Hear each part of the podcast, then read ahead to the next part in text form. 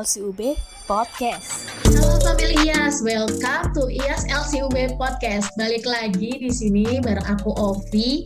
Kali ini aku ditemenin sama Hai, kenalin aku Cynthia yang akan nemenin kalian pada episode 2 kali ini bareng sama Ovi. Nah, udah episode 2 aja nih family IAS, tentunya dengan tema yang berbeda ya. Spill dong Cin, kira-kira apa sih tema podcast kita pada episode kali ini? Oh iya, Um, aku langsung spill aja kali ya.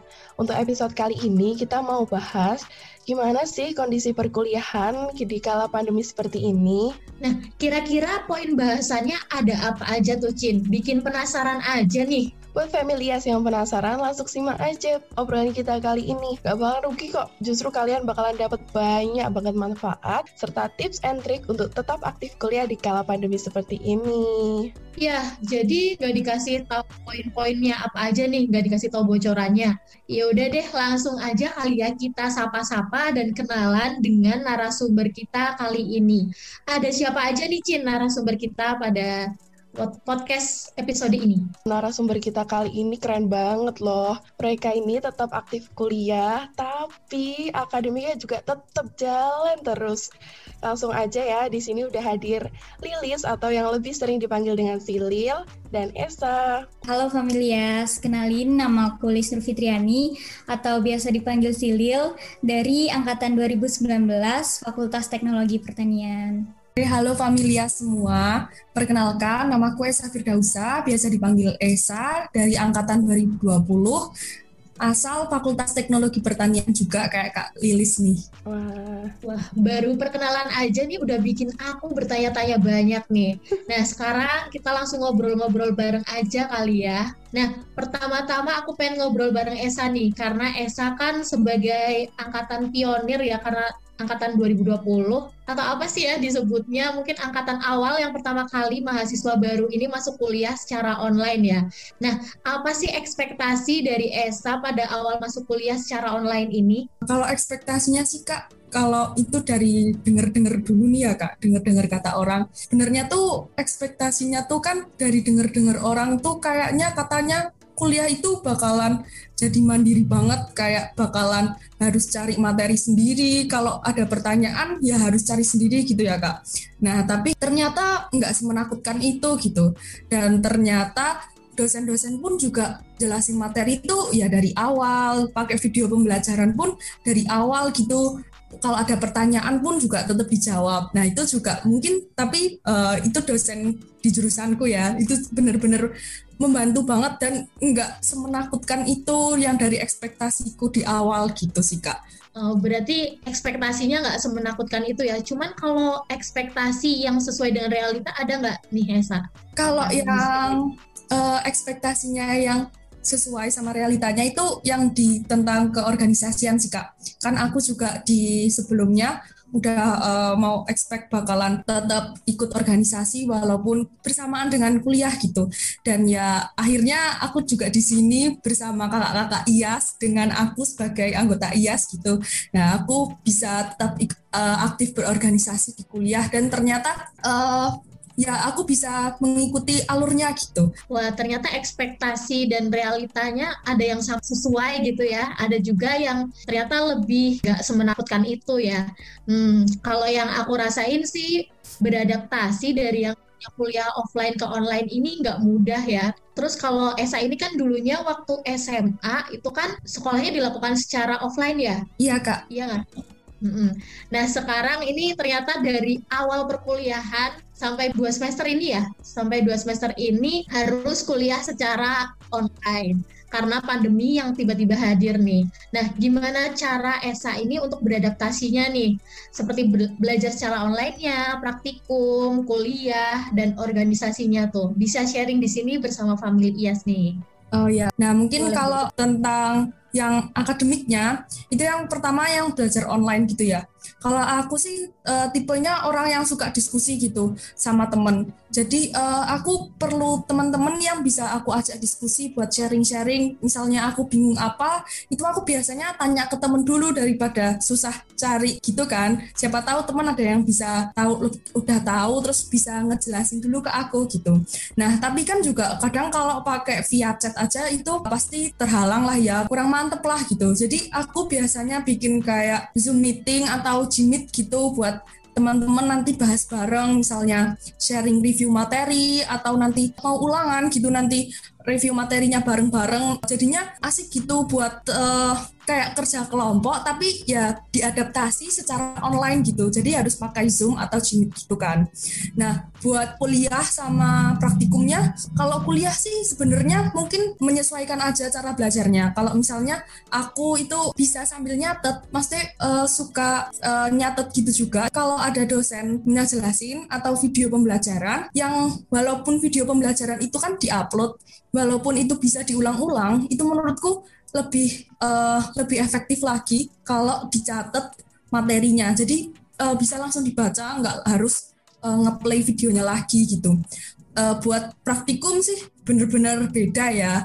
Mungkin uh, aku juga belum pernah ngerasain kalau praktikum offline, tapi kalau praktikum online ini bener-bener diadaptasinya tuh kayak uh, dipaksain sih sebenarnya. Tapi ya diikuti aja. Jadi harus mengikuti benar-benar apa kata asisten praktikumnya. Jadi nanti kalau waktu offline bisa diterapkan sesuai lah. Buat yang non akademiknya, yang organisasi gitu. Kan kalau uh, organisasi itu biasanya kalau ketemu langsung gitu kan uh, berforum berpendapat itu kan bisa ya langsung ditunjuk. Silahkan berpendapat berpendapat gantian gitu ya kak. Nah kalau yang di uh, secara online gini nanti harus zoom meeting. Itu menurutku harus perlu keberanian buat on mic terus berpendapat gitu sih. Karena kalau eh, nggak uh, punya keberanian itu nggak punya kesempatan buat berbicara. Jadi harus berani gitu untuk mau menyampaikan pendapatnya. Dan emang kalau organisasi kan ya untuk meningkatkan soft skill ya. Jadi berpendapat itu sangatlah penting lah menurutku gitu sih kak. Oke, itu ada beberapa cara beradaptasi versi ESA nih. Nah, aku mau tanya nih, kalau versi Silil sendiri, perbedaan-perbedaan apa sih yang Silil, Silil rasakan antara kuliah offline dan online selama beberapa semester ini? Oh, Oke, okay. soal perbedaan ya berarti. Kalau soal yeah. perbedaan pastinya ada banyak banget perbedaan karena ya namanya online uh, dan juga offline gitu. Yang pertama sih yang paling terasa adalah waktu kuliah gitu. Maybe kalau soal jadwal itu jadwalnya mirip-mirip lah ya 22 SKS, 24 SKS gitu. Cuman kalau kita offline itu berangkat pagi itu nunggu kelas kosong itu bisa di kampus terus uh, atau di uh, sekitar perpus gitu. Sementara kalau online itu bener-bener beda banget gitu. Jadi kita bisa sambil uh, bantuin beres-beres rumah atau sambil kerjaan yang lain gitu sih. Kemudian yang nggak kalah uh, beda lagi adalah kegiatan belajar mengajarnya gitu. Kalau offline kan kita di kelas, dosennya juga ke kelas, kita duduk dengerin gitu. Sementara kalau online ini lebih beragam lagi. Jadi nggak cuma uh, Zoom meeting secara sinkron gitu, tapi juga ada yang asinkron. Jadi ada beberapa dosen yang ngasih materinya itu lewat uh, lewat video pembelajaran, lewat modul gitu. Jadi itu beda banget sih rasanya gitu. Kemudian yang beda juga adalah tugasnya gitu. Kalau tugasnya offline kan kita langsung kumpulkan nih ya ke depan meja dosen, ke ruangan beliau atau dikolektifkan ke PJ Matkul gitu. Sementara kalau online itu kita nggak bisa nih kayak gitu. Jadi benar-benar kita harus mandiri kumpulin sendiri either itu di Google Classroom di Edmodo atau di Quiziznya gitu sih. Kemudian bener kata Esa tadi praktikumnya ya sebagai mahasiswa Fakultas Teknologi Pertanian dan Fakultas Saintek lainnya itu pasti beda banget. Karena kita yang pertama nggak bisa ke lab kita juga nggak bisa uh, bikin lab sendiri di, di rumah itu susah banget gitu. Jadi uh, kadang kita cuma dapat video kita juga cuma dapat modul dan juga uh, tutorial gitu. Itu sih yang membedakan kuliah online dan offline menurut aku. Wah, ternyata perbedaan kuliah offline dan online versi Silil ini lebih banyak dari perkiraan aku nih. Nah, di tengah kondisi yang serba online ini dan perlunya adaptasi yang tidak semudah kelihatannya, nah, gimana sih cara Silil dan Esa mempertahankan akademiknya biar tetap stabil? Oke, okay. untuk mempertahankan akademik sebenarnya mau offline atau online pun sama-sama susah ya karena di one semester kita naik itu ya mata kuliahnya semakin susah, semakin spesifik gitu. Tapi untuk bertahan di online ini yang aku lakukan itu adalah mengubah gaya belajar. Karena gaya kegiatan belajar mengajarnya berbeda, maka aku rasa harus mengubah nih gaya belajarnya misalnya dengan mencatatnya kalau misal di offline kita nyatet di binder pas di kelas gitu. Kemudian e, dibaca-baca lagi waktu mau ujian. Kalau online menurut aku akan lebih simple kalau nyatetnya itu juga di laptop gitu. Jadi di word gitu. Jadi bikin judul gitu. Terus di screenshot bawahnya dikasih catatan. Itu bakalan lebih hemat waktu dan juga hemat tenaga banget. Karena kita nanti bisa bikin folder nih mata kuliah A gitu. Terus di situ ada beberapa file week 1, week 2 gitu. Itu sih yang pertama. Kemudian yang kedua, uh, untuk mempertahankan akademik, aku bikin to-do list karena kan uh, aku juga di sambi organisasi ya. Jadi uh, ada beberapa kerjaan yang fleksibel dan itu tuh kalau nggak dibikin to-do list karena aku tipenya deadlineer uh, takutnya bakalan ke skip gitu. Jadi aku biasanya juga bikin to-do list itu nih. Kalau aku gitu sih. Nah, kalau dari Esa, gimana nih cara mempertahankan akademiknya di kondisi yang berbeda ini? Uh, kalau dari aku sih kak, sebenarnya mungkin bukan mempertahankan ya. Jadi kan uh, aku baru dua semester ini uh, langsung online gitu ya. Jadi mungkin kayak uh, gimana caranya aku biar mendapatkan uh, nilai sesuai harapan aku gitu ya. Jadi uh, kalau aku nih kak uh, di awal semester itu aku tuh selalu bikin kayak uh, setting goals gitu kayak uh, aku ini di semester ini harus dapat IP berapa gitu. Dan uh, setiap matkul itu kan juga nanti ada kayak SKS buat SKS-nya sendiri gitu ya. Nah itu juga aku kadang juga bikin prioritas matkul yang harus aku kasih effort lebih ke sini gitu. Misalnya yang uh, bobot SKS-nya lebih banyak berarti aku harus kasih effort lebih ke situ gitu. Dan juga aku juga uh, bikin minimal lah uh, capaianku itu uh, di matkul ini dapat uh, huruf apa gitu. Jadi nanti kalau uh, buat pelaksanaannya aku jadi lebih itu kan ada kan ada nanti juga kayak prioritas ngerjain yang mana duluan gitu. Nanti aku lebih prioritas yang uh, bobotnya lebih banyak gitu dan yang uh, emang matkulnya aku sukain dan aku pahamin dari sebelumnya aku SMA gitu. Nah, buat terus yang buat di semester 2-nya itu mungkin nanti uh, setting goals-nya itu kayak uh, setidaknya bisa lebih tinggi lah daripada IP yang sebelumnya gitu. Ya mungkin juga ini masih aku kan masih maba gitu ya, masih satu tahun. Jadinya kayak uh, buat ningkatin IP itu masih uh, masih kemungkinannya tuh masih tinggi, peluangnya masih besar gitu kan kayaknya ya. Nah jadi uh, buat aku kayak gitu sih. Jadi aku kasih setting goal sama uh, tetap uh, per matkul itu aku kasih prioritas-prioritas yang aku kasih effort lebih gitu. Gitu sih kak. Oke, keren banget sih. Nah, ngomong-ngomong akademik nih, di kelas kan tentunya Esa punya teman kan walaupun secara online. Nah, Gimana sih? Boleh diceritain nih gimana pengalaman dalam mendapatkan teman secara online ini? Atau bisa dikasih tips-tipsnya ke family IAS biar bisa lebih mudah mendapatkan teman secara online. Uh, kalau dari aku sendiri mungkin waktu di awal awal jadi mahasiswa baru itu ya satu tahun yang lalu. Itu kan kayak ada bikin grup jurusan gitu, grup prodi dan grup uh, program studi gitu ya.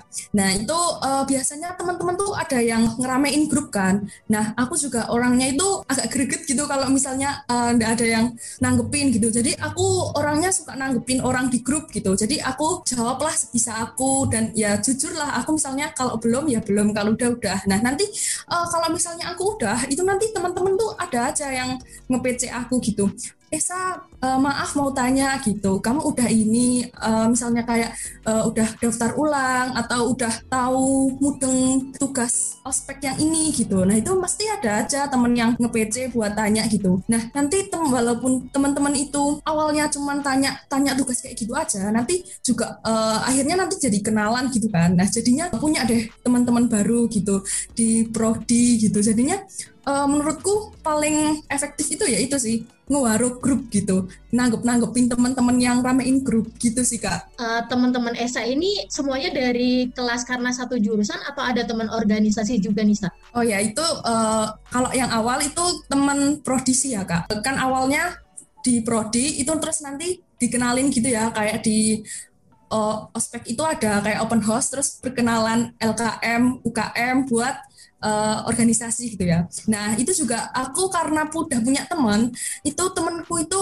mengenalkan aku tentang organisasi. Nah khususnya ini juga kayak IAS gini, aku tahu dari temanku yang sebelumnya udah kenal IAS duluan nih. Aku sebelumnya belum tahu dan karena aku kenal sama dia, jadilah aku juga dikasih informasinya tentang IAS dan ternyata aku sekarang udah di sini sebagai member IAS. Ya jadi udah cocok gitulah. Ya itu karena temanku, karena aku sudah bersosialisasi dengan dia gitu. Oke, nah kalau sekarang ini organisasi yang Esa ikuti ada apa aja? Uh, buat organisasi sih kak, kan kalau UKM itu uh, yang tingkat universitas cuman ikut ini aja sih IAS gitu. Terus kalau yang LKM tingkat uh, fakultas aku ikut tiga gitu sih. Ada BEM uh, itu kayak aku ikut itu bikin relasi, bikin networking gitu. Terus yang kedua ada yang kayak kepenulisan gitu. Itu juga uh, aku ikut karena uh, kakak-kakak di FTP itu kayak uh, motivasi buat ikut lomba-lomba gitu. Kayak Kak Lilis gitu juga kayaknya sering ikut lomba LKTI gitu atau yang lainnya bahkan internasional gitu. Nah, aku termotivasi buat kalau ikut itu aku bisa jadi seperti itu gitu. Dan yang ketiga aku ikut ikut uh, eh, LKM yang paduan suara. Nah, itu juga buat menyeimbangkan hobiku dan aku buat mewadahi ya minatku di situ gitu buat refreshing juga dan ya akhirnya walaupun aku ikut tiga itu alhamdulillah sampai sekarang masih bisa mengikuti sih Wah, keren banget nih. Bicara organisasi, alasan ESA ini untuk mengikuti organisasi apa aja nih? Karena kan belum punya pengalaman offline di lingkungan kampus ya. Boleh nih, alasan-alasan utamanya apa aja nih, Selain ini, menambah teman ya. Iya sih, Kak. Uh, itu pasti kalau menambah teman, menambah relasi itu juga pasti alasan utama uh, orang-orang buat join organisasi gitu ya.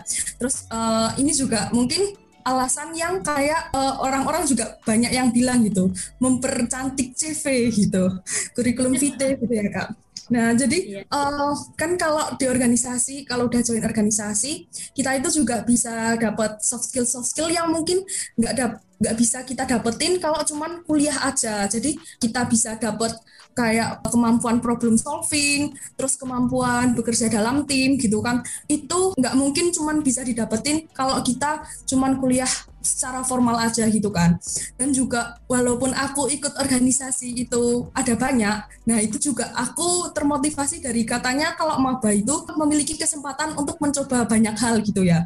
Dan uh, itu juga make sense sih karena kan kalau maba itu pasti jadi masih jadi kayak staff aja kalau aku atau anggota muda gitu. Jadi tugasnya belum berat dan kalau dibarengin dengan yang lain itu masih bisa sejalan, masih bisa jalan bareng mengikuti arus gitu. Enggak kayak misalnya di tahun kedua, tahun ketiga itu makulnya lebih susah dan juga uh, itu nanti untuk ngebarengin jadi susah gitu sih kak. Uh, lagi jadi maba, jadi aku ikutin agak banyak gitu. Wah, oke okay, oke. Okay. Nah, kayaknya aku udah banyak bertanya nih ke Esa dan Silil. Mungkin Cynthia mau bertanya-tanya juga nih ke narasumber kita pada kali ini. Iya nih, Vi. Dari tadi aku nungguin banget loh buat dikasih kesempatan untuk tanya ke mereka. Um, aku tuh penasaran banget, apa sih alasan Silil untuk tetap aktif di organisasi walaupun kita itu sedang dalam era yang serba online? Kalau aku sendiri sebenarnya 11-12 sih sama kayak alasan Esa tadi. Jadi pengen tetap menambah relasi, menambah pengalaman gitu kan. Dan kenapa uh, meskipun online ini aku tetap pengen aktif nih? Uh, karena menurut aku online itu mungkin bagi sebagian besar orang itu sebuah obstacle ya, sebuah hambatan gitu. Karena uh, kita terbatas nih di rumah aja nggak bisa ketemu langsung gitu. Tapi menurut aku online ini justru merupakan high change di mana uh, kita kita nih dapat kesempatan-kesempatan gitu. Kayak misal uh, organisasi yang ada di Asia Pasifik. Let's say yes Asia Pasifik. Nah itu kalau misal kita offline itu kan dalam beberapa rapatnya, dalam beberapa kongresnya itu kan harus dihadiri secara langsung. Nah, sementara kalau online ini kan kita bisa akses dari mana aja nih dari dari rumah, dari kos gitu. Jadi menurut aku justru kesempatan yang bagus buat kita untuk ikut organisasi, volunteer ataupun intern secara online gitu sih. Kemudian alasan lain tetap aktif juga adalah ya sama sih kayak tadi uh, selama jadi mahasiswa, jadi mahasiswa kan sekali doang nih seumur hidup. Ya kenapa hmm. kita nggak ikut nih organisasi gitu? Karena nanti kalau udah lulus ya udah nggak bisa lagi gitu. Mending kita memanfaatkan waktu kita sekarang buat ikut organisasi karena ya benar kata Isa tadi kita bisa dapat soft skill, entah itu leadership, entah itu communication skill dari organisasi karena di kuliah eh, nggak mungkin diajarkan mengenai itu. Ternyata banyak banget ya alasan yang bagus dari si Lil buat tetap aktif di organisasi walaupun serba online. Um, aku mau tanya nih, di era serba online begini apa aja sih yang jadi motivasi si Lil dan Esa untuk tetap produktif dan berprestasi? Ya itu kalau aku alasanku buat tetap produktif sama berprestasi karena di perkuliahan itu nggak bisa kalau misalnya meningkatkan soft skill yang dibutuhkan seperti yang tadi juga disebutin Kak Silil kayak leadership, problem solving, communication itu nggak bakal bisa dilakuin kalau cuman di kuliah aja gitu. Kalau di organisasi itu kita bisa uh, berpendapat lebih terbuka gitu, lebih banyak insight-insight dari orang-orang baru bersosialisasi dengan orang-orang yang mungkin belum kita kenal uh, langsung gitu. Jadi kayak kita dipaksa untuk bisa uh, bersosialisasi dengan orang baru, entah itu mungkin uh, kita kayak meng mengikuti sebuah webinar yang nanti adanya uh, forum group discussion gitu. Nanti kan jadi kita harus melakukan sesuatu berpendapat di depan banyak orang yang mungkin itu juga kita nggak tahu. Jadi kita juga melatih diri untuk berani. Menurutku itu penting banget sih. Jadi juga sekalian daripada menganggur gitu kan juga uh, aku juga orangnya dari SMA itu kayak suka organisasi dan ya aku lanjutin gitu di uh, kuliahan ini. Oke, sekarang gimana nih untuk Lilis? Kalau dari aku sendiri, gimana bisa tetap menjadi mahasiswa yang produktif gitu ya? Kalau aku sebenarnya orang yang percaya bahwa dunia ini bukan kompetisi produktif gitu. Jadi kita nggak harus kok kayak bener-bener lari gitu. Cuman untuk uh, membuat aku sekarang jadi uh, lebih produktif lah ya daripada masa SMA mungkin uh, itu adalah cita-cita sama goals aku. Jadi uh, waktu awal kuliah ini aku diingetin nih sama seorang cutting kalau kalau bisa kuliah itu punya goals gitu, punya college goals. Nah, di situ aku mulai nih nyusun ada 11 college goal aku dan di situ aku taruh di depan binder. Jadi once aku pengen bikin to-do list atau pengen nyatet gitu, aku lihat dulu oh ini belum kecoret nih gitu. Berarti aku harus tetap uh, ngejar ini gitu kan. Terus itu sih yang bikin aku stay on track sampai sekarang gitu. Cuman uh, emang kadang-kadang kan kita ada kayak capek lelah gitu ya. Ya udah nggak apa-apa istirahat dulu. Karena ya once uh, seperti yang aku bilang tadi dunia ini bukan kompetisi produktif gitu. Jadi istirahat juga bagian dari kerja keras. Oke.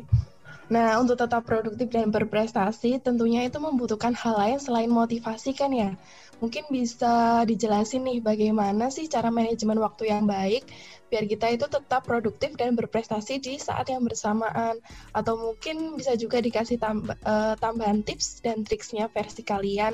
Gimana sih cara untuk menyeimbangkan antara kegiatan akademik dan non akademiknya. Oke, kalau untuk manajemen waktu yang baik ya, menurut aku, uh, aku pribadi manajemen waktunya juga nggak sebaik orang-orang. Jadi ya masih banyak yang harus ditingkatkan gitu. Cuman selama ini aku pakai skala prioritas gitu. Jadi uh, ada empat hal yang harus kita pisah-pisahkan. Yang pertama adalah urgent dan penting.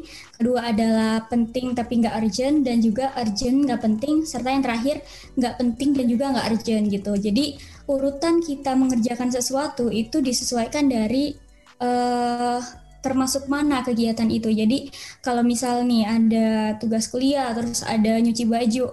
Nah, dua hal ini tuh sama-sama harus diselesaikan gitu misalnya. Tapi yang tugas kuliah ini kan penting ya dan urgent juga ada deadline-nya. Jadi itu aku utamain. Nyuci baju ini kan penting ya, tapi nggak urgent gitu. Jadi ya udah berarti dikerjakan setelah mengerjakan tugas kuliah. Kalau aku gitu sih, cuman untuk kalau misal satu hari ini ngerjain apa-apa aja itu jujur aku masih go with the flow. Jadi uh, aku masih ikut aja apa aja yang kira-kira aku bakal uh, hadapin di hari itu gitu. Esa gimana sih uh, caranya manajemen waktu yang baik menurut Esa sendiri? Oh ya, kalau aku itu buat manajemen waktunya itu aku juga sama sih kayak Kak Silil. Itu nanti aku bikin pakai skala prioritas yang ada uh, urgent, tidak urgent, penting, tidak penting gitu-gitu. Itu uh, aku juga pakai itu jadi bisa lebih memprioritaskan apa yang harus dikerjakan terlebih dahulu gitu kan ya. Nah, tapi aku juga itu kadang uh, kalau menurutku tambahanku itu aku kan biasanya juga ngerjain tugas itu bisa sampai jam 12 atau bahkan lebih gitu ya. Nah, itu kan uh, bikin jam tidur terganggu. Nah, yang menurutku uh, sangat penting itu juga itu kayak jam tidur itu nggak boleh uh, kurang dari jam jam yang di optim apa jam tidur minimum gitu buat kita uh, kalau nggak salah kayak 8 jam per hari gitu kalau buat seusia kita ya. Nah, jadi kalau misalnya aku tidur di atas jam 12 padahal di paginya itu aku harus kuliah di mana kalau uh, di fakultasku itu mulai uh, Zoom itu kadang ada yang setengah tujuh gitu. Dan dosennya walaupun online tetap maunya setengah tujuh gitu. Jadinya kan pagi harus prepare buat siap-siap uh, mandi dan lain sebagainya gitu ya. Jadi uh, tidurnya larut tapi paginya tetap harus bangun gitu. Jadi mungkin walaupun uh, jam tidur yang malam itu kurang dari 8 jam aku nanti bakalan menyempatkan diri untuk uh, tidur siang gitu sih. Dan juga kan aku KRS-an itu bisa pilih ya kayak uh, di jam satu atau jam tidur siang lah itu aku nggak pilih biasanya. Ya kalau nggak sedikit lah yang ada di situ. Nah jadi aku uh, pokoknya ambil sebisa mungkin aku tidur siang sehingga jam tidurku per hari itu tetap aman gitu yang mana juga mungkin kalau aku sendiri ngerasain uh, apabila aku tidurku cukup itu uh, bisa meningkatkan kayak kesehatan mental gitu mungkin ya. Jadinya kayak lebih Eh, nggak uh, capek gitu kan. Apalagi kalau misalnya mentalnya juga udah capek itu nanti ngerjain apa-apa itu juga nanti uh, bikin nggak mood dan lain-lain sebagainya gitu sih. Jadi menurutku tidur itu penting banget Benar banget sih, saat tidur itu penting banget buat kita untuk tetap menjaga energi. Boleh tuh family ya, tips dan triknya dari Sil dan Esa mungkin bisa diterapin ya, biar kita itu semakin produktif dan berprestasi, mengubah kebiasaan kita untuk menjadi mahasiswa yang lebih baik gitu ya um, aku mau tanya nih, menjadi mahasiswa yang produktif dan berprestasi itu kan nggak mudah ya. Pasti ada kayak ngeluhnya, capeknya, stresnya. Uh, mungkin bisa di-spill dong apa aja sih keresahan yang pernah dialami oleh kalian gitu ya selama kuliah online kayak gini? Oke, okay. kalau keresahan ya, keresahan dalam kuliah dan berorganisasi secara offline, uh, sorry secara online itu ada beberapa sih jujur. Jadi uh, yang pertama kalau organisasi itu kan kadang ada miskomunikasi gitu ya. Itu pasti nggak mungkin nggak gitu. Dan di online ini menurut aku kesempatan untuk miskomunikasi itu lebih tinggi gitu. Uh, karena yang pertama kita nggak bisa ketemu langsung, sinkron pun melalui Gmeet dan Zoom gitu. Dan ada beberapa hal yang kadang di dikoordinasikannya lewat chat doang gitu. Dan itu rawan miskom banget dan uh, kalau misal untuk kuliah adalah masalah jaringan gitu jadi kalau misal sinkron nih dosennya mau pakai zoom meeting terus kelasnya kelas tutor yang mana di situ kita misal uh, menggunakan suatu software tertentu atau website tertentu yang step-stepnya itu harus runut gitu. Misal di step ini kita harus uh, ngeklik ini, step ini ngeklik ini. Biasanya misal di step 3 nih ya terus uh, reconnecting gitu udah pusing gitu. Terus pas balik ke roomnya kayak tiba-tiba step 6 lah yang 4 sama 5 tadi gimana gitu. Itu uh, keresahan aku sih. Jadi uh, adanya miskom di organisasi sama uh, ini tadi masalah jaringan kalau kuliah. Karena jaringan juga mempengaruhi. Kadang ngumpulin tugas gitu. Ngumpulin tugas mod nih uploadingnya gitu. Terus udah mepet sama due date jadi kayak udah stressful sih di situ. Kalau aku gitu sih keresahannya oke okay. nah untuk Esa tuh sama nggak tuh sama kayak si Lil? Pernah ngerasain kayak gitu juga? Atau mungkin ada yang beda? Uh, kalau aku juga mirip sih kak. Uh, karena komunikasi menggunakan chat gitu ya itu nanti juga bikin sering miskomunikasi buat sama teman-teman. Jadi aku juga harus paham apa yang dimaksud gitu. Dan uh, aku kan juga teman-teman dari aku kan benar-benar kenal dari online gitu ya. Aku nggak bisa tahu sifatnya dia yang sebenarnya itu kayak apa. Jadi aku baru tahu on secara online dan langsung berhadapan harus bersamaan dengan mereka-mereka itu. Nah juga kadang aku itu kalau misalnya keresahanku itu kayak temenku kan aku kan kenalan sama salah satu temenku terus aku juga punya temenku yang lain gitu. Nah kadang tuh uh, kalau misalnya mereka aku gabungin itu juga agak susah gitu. Apalagi kalau ini salah satu temenku nih ada yang kayak masih kayak introvert banget gitu. Dia baru bisa mau ngomong kalau cuman sama aku aja. Kalau uh, ada teman yang baru gitu dia masih agak susah buat terbukanya gitu sih. Jadi aku masih agak susah buat punya pertemanan yang benar-benar deket kayak gitu. Apalagi buat memperluasnya karena temenku yang aku udah dari awal aku udah sama dia itu karena ya susah buat bersosialisasi jadi aku juga agak susah untuk uh, memperluas pertemanan dekatku gitu sih kak. Hmm gitu ya. Terus untuk beberapa keresahan yang tadi disebutin tuh gimana sih solusi dari kalian gitu untuk mengatasinya? Kalau untuk mengatasi ya tadi kan yang awal miskom ya. Jadi kalau aku pribadi personal itu cara mengatasinya yaitu dengan banyak-banyak komunikasi dan koordinasi meskipun itu di luar job desk dan juga di luar proker. Jadi misalnya nih kita rapat kan udah bahas proker, bahas job, job desknya ya. Jadi di akhir rapat tuh kita istilahnya ngeteh dulu ngomongin kehidupan, sekedar ngomongin hantu-hantu di UB atau ngomongin kuliner-kuliner di Malang gitu. Yang ringan-ringan aja di situ uh, fungsinya adalah buat uh, tahu nih oh karakter orang-orang gini nih yang to the point nih berarti kalau misal dia nanti briefing sesuatu dia ngasih tahu info ya udah berarti uh, secara singkat dan udah itu aja. Kalau misal ada kan orang-orang yang uh, dia harus cerita dulu dia harus membangun emosi dulu baru dia menyatakan apa yang pengen dia kasih tahu gitu. Udah nah di situ kita bisa tahu oh berarti orang-orang kayak gini uh, kalau misal berkomunikasi itu harus sangat detail dan harus sangat uh, apa ya rinci gitu. Jadi kalau kita ngasih info ke mereka harus detail gitu. Jadi kita bisa tahu karakter-karakter orang dari uh, obrolan-obrolan ringan tadi gitu. Kemudian kalau misal masalah jaringan di saat kuliah, jujur itu agak susah banget buat uh, menanggulangi dan mengatasinya. Cuman kalau aku pribadi biasanya uh, kalau misal pas tutok tadi ya ketinggalan gitu.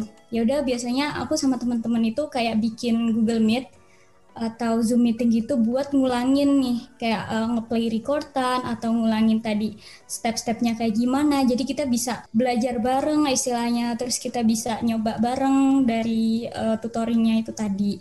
Gitu sih. Jadi uh, agak susah ya emang untuk menanggulangi jaringan karena kita juga nggak tahu apakah jaringannya bakal hilang atau enggak kalau aku gitu. Iya, jadi nggak semuanya ya uh, kayak seperti yang kita inginkan. Terus kalau untuk Esa gimana tuh? Uh, kalau dari aku itu yang tadi itu ya kak, keresahanku susah buat memperluas circle pertemanan aku gitu ya. Nah itu jadi mungkin cara aku buat mengatasinya ya karena itu juga alasan aku ikut organisasi supaya aku bisa dapet teman-teman baru yang mungkin bisa cocok sama aku gitu. Dan aku juga mungkin orangnya nggak begitu kayak suka suka chat intens gitu sama teman. Jadi aku biasanya kalau sama teman-teman ya udah kenalan dan membahas sesuai kebutuhan apa yang ada yang ada harus dikerjakan gitu. Jadi karena uh, adanya teman kayak gitu juga mungkin jadinya aku nggak perlu kayak yang mana aku juga sulit ya buat ngechat intens sama dia. Jadi karena dengan itu teman organisasi jadi ya ada alasan buat aku tetap tetap berteman sama dia juga gitu. Jadinya aku juga punya banyak teman tetapi eh, nggak uh, perlu effort banyak buat kayak mempertahankan bonding gitu. Gitu sih kak. Karena bondingnya juga udah masuk ke bonding organisasi gitu. Gitu mungkin kak. Oke.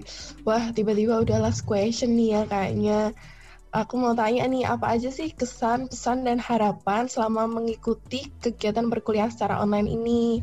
Oke, kalau kesan-pesan dan harapan ya, harapannya uh, semoga kita semua, semoga familias juga tetap bisa survive, tetap bisa bertahan dan juga produktif selama masa pandemi dan yang serba online ini gitu. Uh, kemudian meskipun masa online ini kita tetap bisa produktif, semoga juga COVID-19 dan kasusnya di Indonesia semakin menurun, jadi kita tetap bisa kembali di uh, masa-masa sebelum pandemi gitu sih kalau dari aku. Oke, amin. Terus untuk ke saya gimana tuh? Uh, kalau yang pertama mungkin kalau kesan selama satu tahun jadi maba online gitu, uh, mungkin ini juga kayak uh, untuk adik-adik maba yang baru gitu kuliah itu enggak seserem itu dan semenakutkan apa yang mungkin tadi pertimbangannya atau pikirannya itu kayak aku yang di awal itu. Jadi uh, tetap dibawa enjoy aja walaupun kuliah online itu juga ada ada lebihnya gitu memudahkan kita untuk uh, kuliah gitu.